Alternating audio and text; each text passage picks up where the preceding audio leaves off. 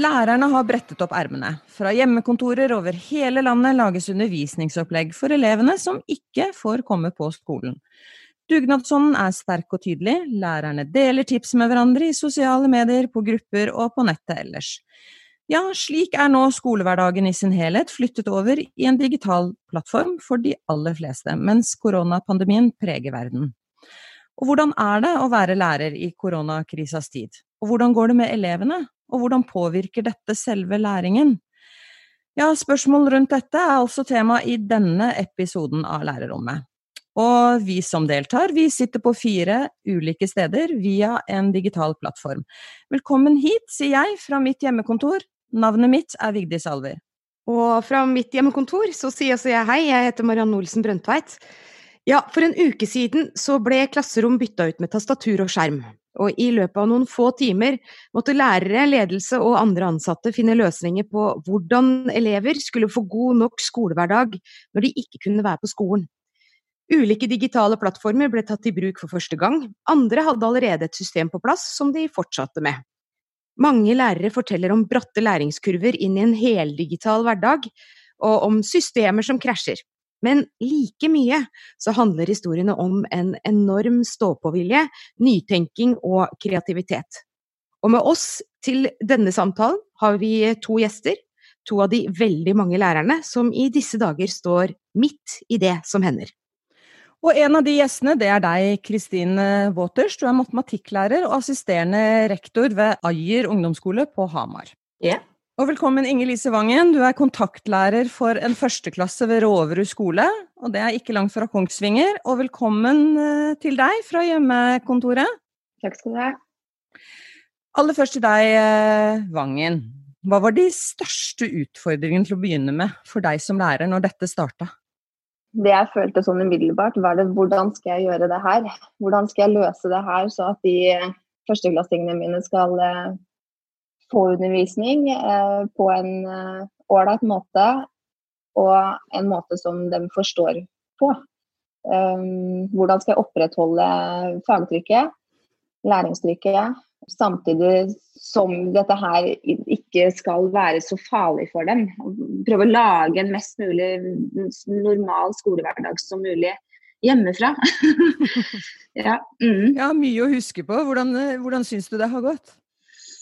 Vet du hva, jeg er veldig imponert over uh, elevene og ikke minst foreldrene og skolen der jeg jobber. Um, over samholdet, over all forståelsen uh, alle har rundt det her.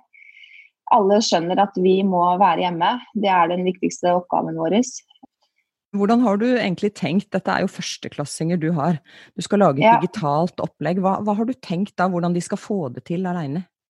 Det jeg først tenkte, var at vi må bruke en digital plattform som de er kjent med. Og da har vi jo brukt eh, en plattform som vi bruker ofte, eller egentlig hver dag på skolen. Og så tenkte jeg at jeg kan ikke sette i gang med noe nytt nå, vi må kun ha repetisjon. Vi er førsteklassinger, vi eh, jobber mye med lesing og leseforståelse. Så jeg måtte tenke mye rundt det. Eh, og så måtte jeg tenke at det, kan, det må være så enkelt opplegg så de kan gå inn sjøl i disse plattformene eller denne plattformen og jobbe sjøl. For de mine da, så har det ikke vært noe ukjent, noe ukjent nye ting som, uh, som de har drevet med nå. Den, nå. Mm. Og du nevnte kommunikasjon. Hvordan er det du snakker med de hjemme? Eller snakker du med de? Ja, jeg har snakka med alle elevene mine på telefon. Eh, samt eh, foreldrene. SMS med foreldrene og da telefon med de òg. Eh, og så har jeg noen daglig kontakt med de der vi sitter og skriver i en chat, og der de sier god morgen. og Der de også sitter og deler bilder til hverandre, at de er perla eller de viser arbeidet sitt. og så gir hverandre feedback. Mm. Så det er en sånn veldig positiv tone. Da. De er på en måte litt på skolen, de er, samtidig som de er hjemmefra. Så ja, daglig kontakt med dem. Mm. Er det slik at du har valgt å strukturere dagen for dem ved å følge timeplanen f.eks.? Ja, på en måte. Jeg har, jeg har, på en måte ikke bestemt da fra ni til ti, da skal du sitte med norsken din. Men jeg har en anbefaling da til foreldrene der jeg eh, har lagt opp et løp da, som starter når skoledagen vår starter. og Så jobber de først med ett fag, som jeg da har anbefalt. og Så tar de seg en god pause, jobber med et nytt fag, tar seg en god pause, spiser mat, går ut på friminutt. Og så jobber med sist, I siste del av skoledagen mm. så sitter de og jobber med noe annet. Mm. Skolen din er nokså liten, Inger-Lise Vangen. Eh, du mm. har jo en eh, Du har ti elever i klassen. Det betyr jo samtidig at du har ansvar for alle fag. Tror du ja. at det ville vært annerledes dersom, eh, dersom det var større klasse eller en større skole? Tror du det er det for de lærerne som har det? Ja, det tror jeg. Um, jeg tror det er um, Jeg tror kanskje det er vanskeligere for de som har større klasser å være så på. Det er ganske krevende det vi holder på med. Um, å være sitte og få kommentarer og sitte og rette når elevene leverer arbeid. og du er på hele tiden. iPaden er eh, med deg hvor enn du går i huset. Mm. Kristine Waters, eh, hos deg har du 350 elever, litt over 30 lærere. Eh, hva så du og dine kolleger for dere kom til å bli utfordrende når eh, denne beskjeden kom? Jeg tror ikke helt vi rakk å tenke på at uh, noe skulle være utfordrende. Uh, alle gikk inn i en sånn arbeidsmodus hvor man tenkte hvordan løser vi dette, og hvilke program har vi tilgjengelig, er det noe vi trenger? Og så fikk vi på plass det, og så begynte man å jobbe.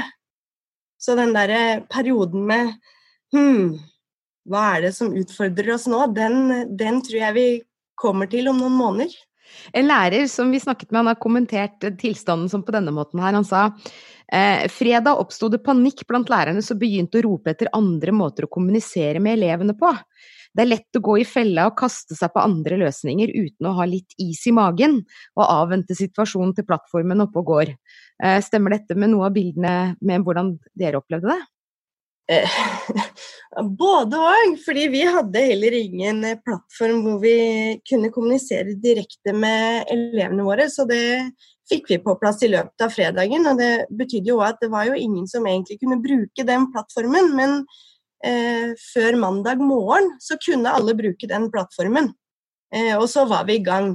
Og jeg hørte Inger Lise si noe om den der daglige og hele tiden Eh, kommunikasjonen med elevene, det har lærere her òg. Selv om de har 30 eh, elever i gruppe og innimellom har 60 stykker på chatten, så ringer kontaktlærerne til elevene sine. De har videosamtaler, de chatter. Og i de timene hvor vi har lagt opp til undervisning, så er det De er konstant på. Og jeg opplever nesten at de er på døgnet rundt. Så det er Ja, du er både matematikklærer og assisterende rektor, så du har på en måte sett dette fra to ståsted. Eh, hva synes du? Jeg er så imponert. Det er eh, Jeg tror at eh, når vi ser tilbake på det her flere år frem i tid, så kommer jeg til å bli slått i bakken av hvor imponert jeg er over, over lærere mine, og lærere over egentlig hele landet, sånn jeg forstår det. Eh, på den omstillingsevnen og den kreativiteten og ikke minst den omsorgen de viser både for hverandre og for elevene. Så ja, jeg er rett og slett kjempeimponert. Og så syns jeg det er gøy å se hvor mye nytt man kan lære seg på kort tid. Eh, og se hvordan det fungerer med nye kommunikasjonskanaler da med elevene, og hvor på de er. Mm. Fordi jeg har jo matematikk i tiende trinn i år, og de, de, er på. Veldig gøy å se. Ja, disse elevene dine er jo tenåringer. Jeg regner med at du kanskje ikke får så mye bilder av perling, men uh, hvordan har de reagert på den digitale hverdagen? Uh, de har tatt den veldig bra. Men vi, har, vi gjør oss jo erfaringer hver dag uh, som gjør at vi òg endrer oppleggene våre fra dag til dag. Så vi har sett at vi må um, starte morgenen med en videosamtale i grupper, hvor vi snakker om dagen og hva som er forventa. Fordi spennet er stort, selv om de er ganske store. Eh, det å lese tekst og forstå oppdraget er ikke like lett for alle. Så det å få prata sammen og gått gjennom hva er planen i dag, hva er det det er forventa at du skal gjøre, hvor leverer du, og ta den på morgenen, det har vist seg å være veldig fint. I hvert fall enn så lenge, da. Ja, Vangen, du hører fra, fra, Hamar her. Kjenner du deg igjen i dette når det gjelder endring av opplegg og forventningsavklaringer eh, hver morgen?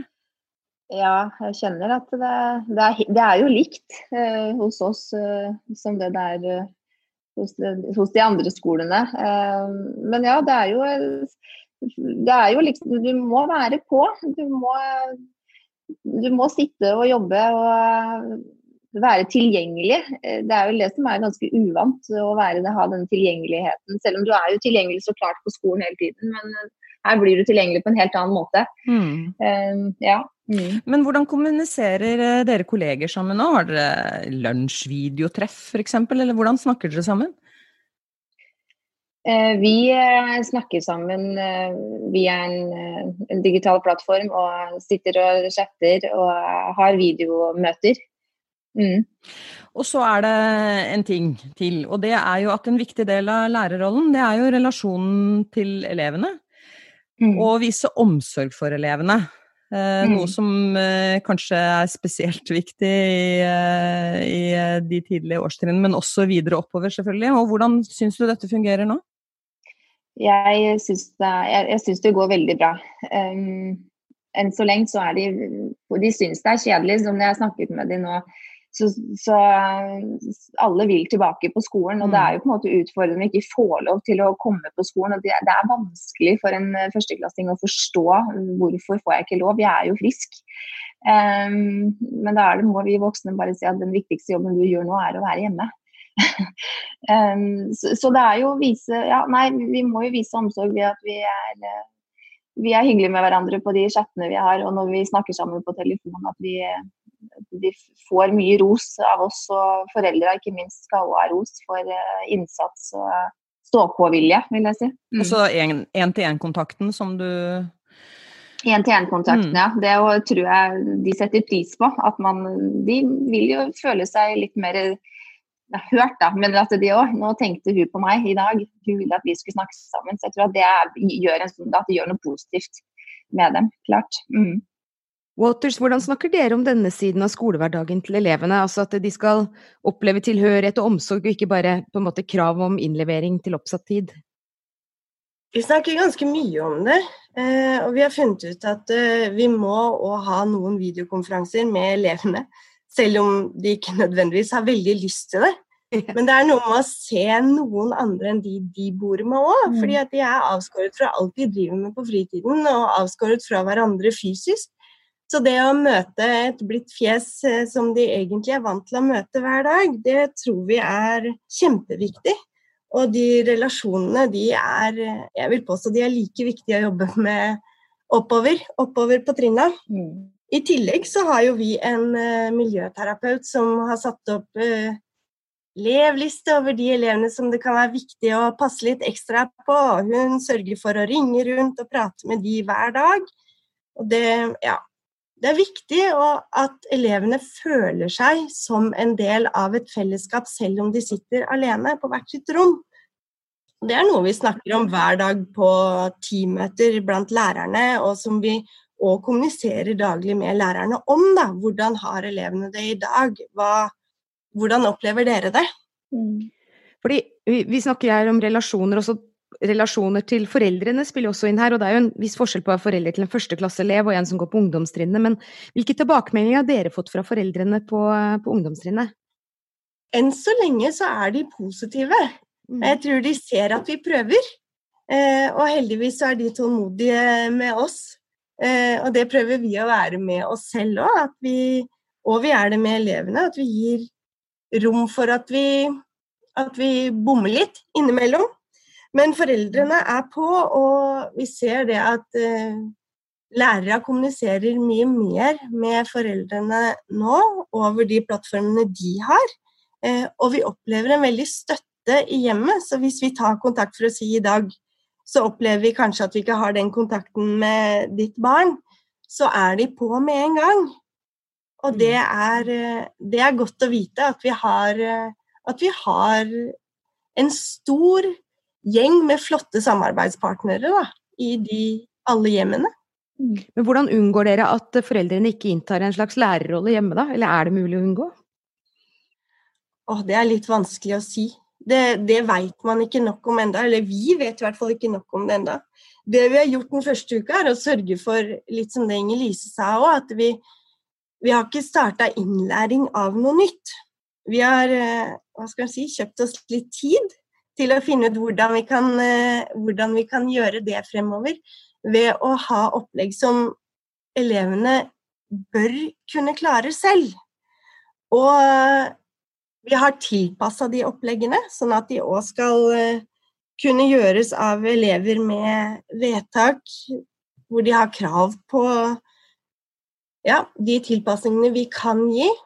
Og det ser vi kanskje mer og mer nå at uh, er noe vi må jobbe mer med. Da.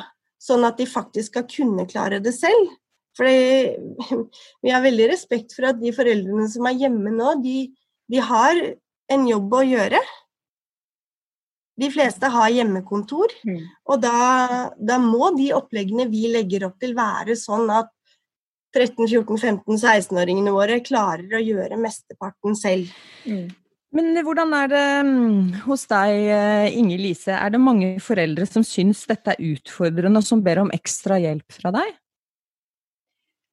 Eh, Foreløpig så har det ikke vært det. Eh, jeg har eh, bare møtt på positivitet og for, stor forståelse av alle foreldrene mine. Og alle, er, alle, ønsker å bidra og hjelpe til. Og er det noe de lurer på, så kontakter de meg. Mm. Mm. Mm. Og så er det sånn at i alle klasserom så er det jo elever som er mer sårbare enn andre. Hvordan tar du best mulig vare på disse elevene nå? Eh, jeg eh, er veldig påpasselig og, og skriver fine, fine, fine, ting og motiverer via ord da, som de kan lese, eller tegner en, et fint rødt hjerte på arbeidet deres, eller uh, gjør det så de forstår at jeg ser deg og jeg er stolt av den jobben du gjør. Uh, og tilpasser til hver, hver enkelt elev. Mm. Waters, det handler jo også om hva som er en god skolehverdag. Er det lett å få panikk kun på vegne av læringstrykket nå i den fasen dere er nå?